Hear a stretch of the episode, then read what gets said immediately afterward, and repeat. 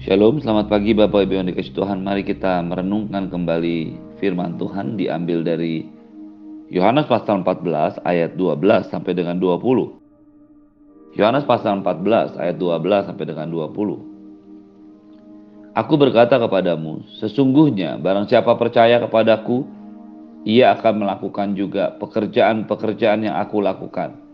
Bahkan pekerjaan-pekerjaan yang lebih besar daripada itu Sebab aku pergi kepada Bapa. Dan apa juga yang kamu minta dalam namaku, aku akan melakukannya, supaya Bapa dipermuliakan di dalam anak. Jikalau kamu meminta sesuatu kepadaku dalam namaku, aku akan melakukannya. Jikalau kamu mengasihi aku, kamu akan menuruti segala perintahku. Aku akan minta kepada Bapa dan ia akan memberikan kepadamu seorang penolong yang lain, supaya ia menyertai kamu selama-lamanya yaitu roh kebenaran. Dunia tidak dapat menerima dia, sebab dunia tidak melihat dia dan tidak mengenal dia. Tetapi kamu mengenal dia, sebab ia mengenal ia menyertai kamu dan akan diam dalam kamu. Aku tidak akan meninggalkan kamu sebagai yatim piatu. Aku datang kembali kepadamu. Tinggal sesaat lagi dan dunia tidak akan melihat aku lagi, tetapi kamu melihat aku. Sebab aku hidup dan kamu pun akan hidup. Pada waktu itulah kamu akan tahu bahwa aku di dalam Bapakku dan kamu dalam aku dan aku di dalam kamu. Bapak Ibu yang dikasih Tuhan, kita baru saja belajar firman Tuhan dalam bagian sebelumnya. Bagaimana Tuhan Yesus yang mengetahui kegelisahan murid-muridnya. Ketika murid-muridnya menyadari Tuhan Yesus akan pergi meninggalkan mereka. Dan mereka tidak dapat bersama-sama lagi saat itu dengan Tuhan Yesus. Kendati Simon telah menunjukkan niatnya, keinginan, kerinduan hatinya untuk selalu bersama-sama dengan dia, bersama-sama dengan Yesus. Tapi dengan tegas Tuhan Yesus berkata, kamu tidak dapat mengikuti aku sekarang. Jalan Yesus adalah jalan salib, jalan menuju kemuliaan, jalan menuju penebusannya yang tidak dapat diikuti oleh murid-muridnya pada waktu itu. Ketika murid-muridnya mengalami kegelisahan, Tuhan Yesus mengingatkan mereka bahwa Dia menyediakan satu cara untuk selalu bersama-sama dengan Dia. Karena Dia pergi kepada Bapa dan Dia akan menyediakan tempat bagi murid-muridnya. Ketika Tuhan Yesus sedang berusaha menghibur murid-muridnya, ia melanjutkan dengan satu hal yang sangat luar biasa. Satu perintah, satu pesan yang sangat luar biasa. Dalam ayat yang ke-12 dia berkata, Aku berkata kepadamu sesungguhnya barang siapa percaya kepadaku ia akan melakukan juga pekerjaan-pekerjaan yang aku lakukan. Bahkan pekerjaan-pekerjaan yang lebih besar daripada itu sebab aku pergi kepada Bapa.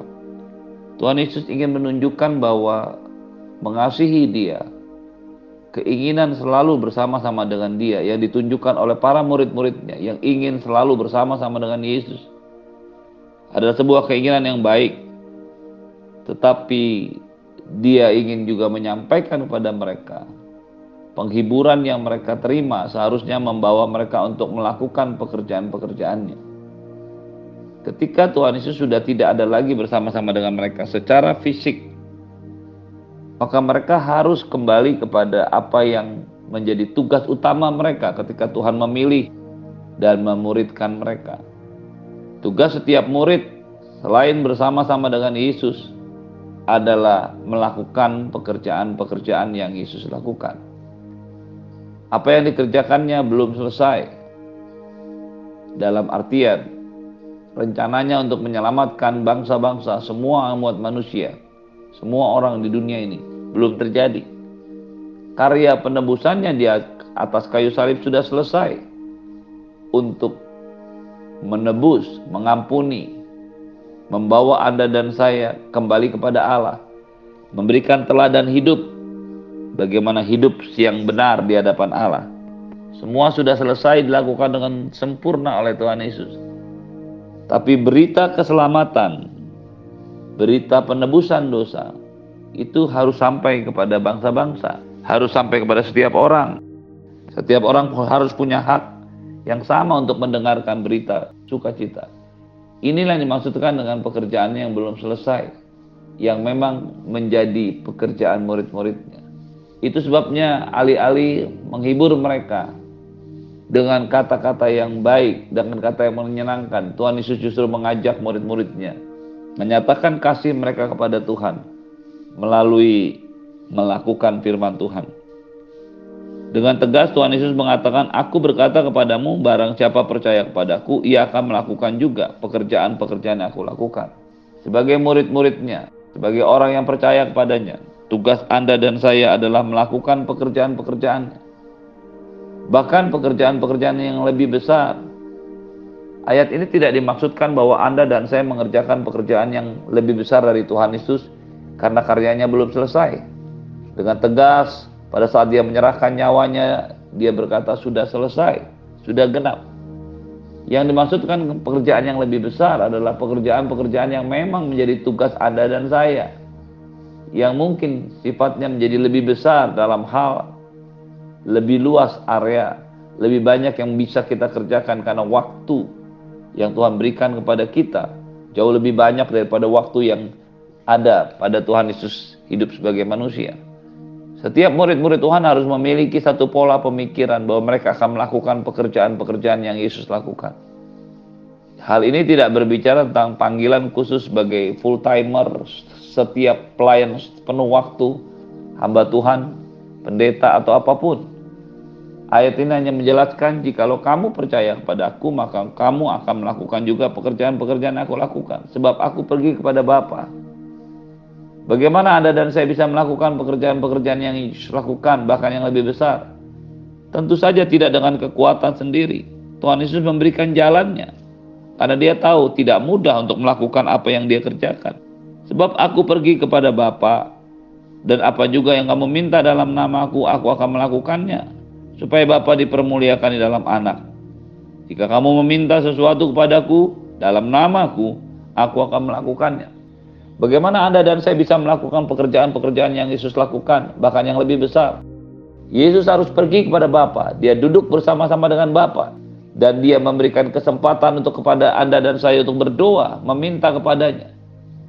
Dan apa pun yang Anda dan saya minta kepada Tuhan dalam rangka melakukan pekerjaan-pekerjaannya akan diberikan oleh Bapa. Ayat ini tidak menjadi satu jaminan bahwa setiap doa Anda dan saya itu dijawab Tuhan. Ayat ini justru memberikan jaminan bahwa setiap kali Anda dan saya melakukan pekerjaan-pekerjaan yang Yesus lakukan, tapi karena kekuatan kita tidak mampu, maka Yesus yang kembali kepada Bapa akan mendengar doa kita, akan mendengar seruan kita untuk melakukan kehendak-kehendaknya. Ketika Anda dan saya sedang melakukan pekerjaan-pekerjaan Yesus, memberitakan Injil, menyampaikan kabar baik, bersaksi, menyatakan kehidupan yang penuh dengan urapan dan kuasa Tuhan Yesus dalam hidup kita. Setiap hal yang Anda dan saya lakukan dalam rangka melakukan pekerjaannya, ketika Anda dan saya minta Tuhan melakukannya, ketika Anda dan saya berdoa, maka semua yang Anda dan saya doakan itu pasti akan dilakukan oleh Tuhan. Sekali lagi ini bukan tentang keinginan pribadi. Ini bukan tentang sesuatu yang memuaskan hawa nafsu atau mungkin berhubungan dengan dosa. Semua yang Anda dan saya minta akan dikerjakan, akan dilakukan oleh Tuhan Yesus di surga. Untuk setiap hal, setiap doa yang berhubungan dengan pekerjaannya. Pekerjaan-pekerjaan yang harus Anda dan saya lakukan. Mengapa Anda dan saya dapat melakukan pekerjaan Yesus?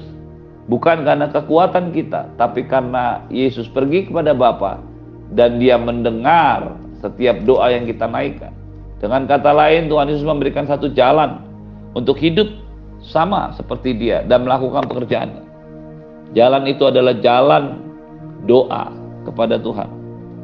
Dia mengingatkan kita kembali di dalam ayat yang ke-15. Jika kamu mengasihi aku, kamu akan menuruti segala perintahku. Ini merupakan satu hal yang juga sangat penting dalam kehidupan setiap orang percaya. Ketika banyak orang mengatakan mengasihi Tuhan, mencintai Tuhan, maka seharusnya mereka adalah orang-orang yang menuruti segala perintah Tuhan.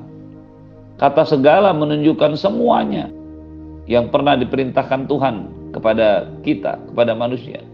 Pada saat Tuhan Yesus melakukan mengajar tentang hal ini, hanya ada satu bukti, ada satu buku kitab yang dipakai sebagai perintah-perintah Tuhan, yaitu kitab Torah, kitab Perjanjian Lama, kitab Nabi-Nabi, dan Ketuvim. Dengan mengatakan demikian, maka kepada Anda dan saya, Tuhan Yesus juga mau kita melakukan perintahnya seperti yang dituliskan dalam Torah, Nevi'im dan Ketuvim. Catatan-catatan, pujian, lagu yang ditulis dalam Alkitab Perjanjian Lama. Semuanya merupakan perintah Tuhan, semuanya bisa kita lakukan.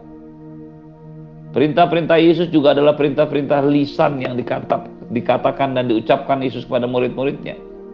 Yang kemudian dicatat oleh para murid-muridnya atau para penulis Injil sinopsis. Jadi ketika Tuhan Yesus mengatakan, Barang siapa mengasihi aku, ia akan menuruti segala perintahnya. Ini mencakup bukan hanya perintah lisan dia yang disampaikan pada saat mengajar murid-muridnya, yang kemudian dicatat oleh Injil sinopsis, oleh murid-muridnya dalam Injil sinopsis dan kitab Yohanes. Tetapi ayat ini juga menyatakan bahwa Anda dan saya harus taati apa yang firman Tuhan sampaikan melalui nabi-nabi, melalui catatan-catatan, melalui Torah. Mengasihi Tuhan berarti menuruti firman-Nya. Dan Tuhan tahu menuruti firman-Nya, segala firman-Nya, segala perintahnya adalah sesuatu yang tidak mudah. Itu sebabnya dia mengatakan, Aku akan minta kepada Bapa dan dia akan memberikan kepadamu seorang penolong yang lain supaya ia menyertai kamu selama-lamanya. Tuhan Yesus tahu menuruti segala perintahnya, menuruti segala perintah Allah, menuruti segala perintah Bapa, menuruti segala perintah Yesus, bukanlah suatu perkara yang mudah bagi setiap orang percaya. Yesus sendiri dalam rangka menuruti perintah Bapaknya, menggenapi setiap firman Tuhan. Dia melakukannya dengan setia, walaupun tidak mudah. Dan itulah yang disadari oleh Tuhan Yesus. Sehingga dia berkata bahwa dia akan memberikan penolong yang lain, yang akan membantu, yang akan mengingatkan, yang akan menopang, yang akan menghibur, yang menguatkan mereka setiap kali mereka mengalami kesulitan untuk melakukan segala perintah Tuhan. Penolong yang lain berasal dari bahasa Yunani parakletos. Dari ayat ini, dari kata ini muncul pembela, penghibur, pengokoh, penopang. Roh Kudus atau roh kebenaran itulah yang akan tinggal dan menyertai Anda dan saya. Itulah yang akan membuat Anda dan saya mampu menuruti segala perintah Tuhan. Kekuatan kita adalah kekuatan yang diberikan oleh Roh Kudus. Roh Kudus adalah roh kebenaran yang tidak bisa diterima, tidak bisa dilihat, dan tidak bisa dikenal oleh dunia. Ketika Anda dan saya menerima roh kebenaran, yaitu Roh Kudus dalam diri kita, pastilah hidup Anda dan saya harus berubah. Karena ada pribadi yang akan mengingatkan Anda dan saya ada pribadi yang akan menegur, ada pribadi yang akan mengangkat, ada pribadi yang juga bisa menghibur kita setiap kali kita mengalami kesulitan untuk melakukan segala perintahnya. Tetapi Yesus tahu kuncinya ada dalam parakletos, penorong yang lain, yaitu roh kudus. Dialah yang akan tinggal dan menyertai kita selama-lamanya.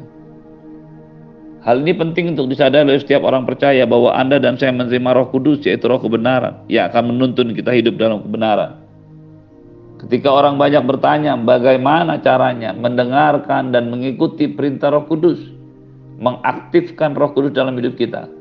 Semuanya dimulai dari kesiapan hati, keterbukaan hati untuk belajar, untuk mendengarkan firman Tuhan, untuk mendengarkan suaranya. Ketika Anda dan saya belajar mendengarkan firman Tuhan, Ketika Anda dan saya belajar untuk merenungkan firman Tuhan, maka sebenarnya kita sedang melatih telinga rohani kita untuk mendengar dorongan, teguran, bimbingan daripada Roh Kudus yang menyertai kita selama-lamanya. Ketika Anda dan saya hidup dalam kebenaran, dipimpin oleh Roh Kudus, maka kita akan mampu melakukan segala perintah Tuhan, ketetapan Tuhan dalam hidup kita. Bukan karena kekuatan, tetapi karena tuntunan Roh Kudus yang ada dalam diri kita. Dialah penolong yang lain, Parakletos, yang akan dikirimkan Roh Kudus, yang akan dikirimkan Tuhan Yesus kepada kita untuk memimpin hidup Anda dan saya terus mengasihi Tuhan, terus mencintai Tuhan, terus dekat dengan Tuhan, terus mendengarkan suaranya karena dia hidup di, di dalam kita. Ketika Anda dan saya memiliki hubungan kedekatan dengan Roh Kudus, maka hidup Anda dan saya akan mampu bukan hanya menuruti segala perintahnya, tapi melakukan pekerjaan-pekerjaan seperti yang dilakukan Tuhan Yesus yang lebih besar bahkan dari antaranya. Pastikan Anda dan saya selalu terhubung dengan Roh Kudus, mendengarkan suaranya, dan terus mengasihi Tuhan dengan memegang perintahnya dan menuruti segala perintah-perintahnya. Terimalah berkat yang berlimpah dari Bapa di surga, cinta kasih dari Tuhan Yesus, menyertai hidupmu hari ini dan sampai selama-lamanya. Dalam nama Yesus semua yang percaya katakan, amin. Shalom.